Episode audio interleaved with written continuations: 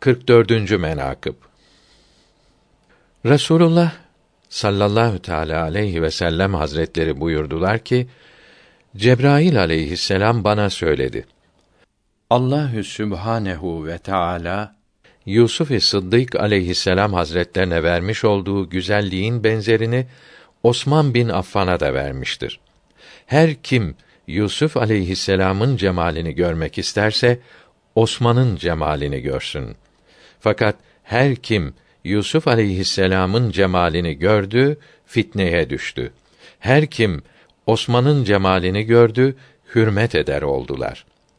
Bir haberde de gelmiştir ki Resulullah sallallahu teala aleyhi ve sellem buyurmuştur. Ben nice kere istedim ki Osman'ın yüzünü kemali üzere göreyim, kadir olmadım.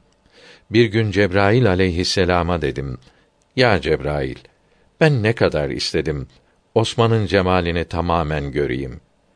Cebrail aleyhisselam dedi: Ben de kadir olamadım ki Osman'ın cemalini göreyim ya Resulallah.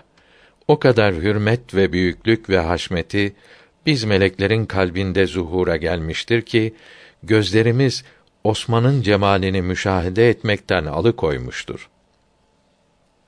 Ya Resulallah, her gece yarısı ki Osman evinden mescide gelir.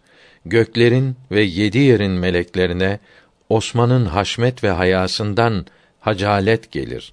Utanırlar, mahcup olurlar.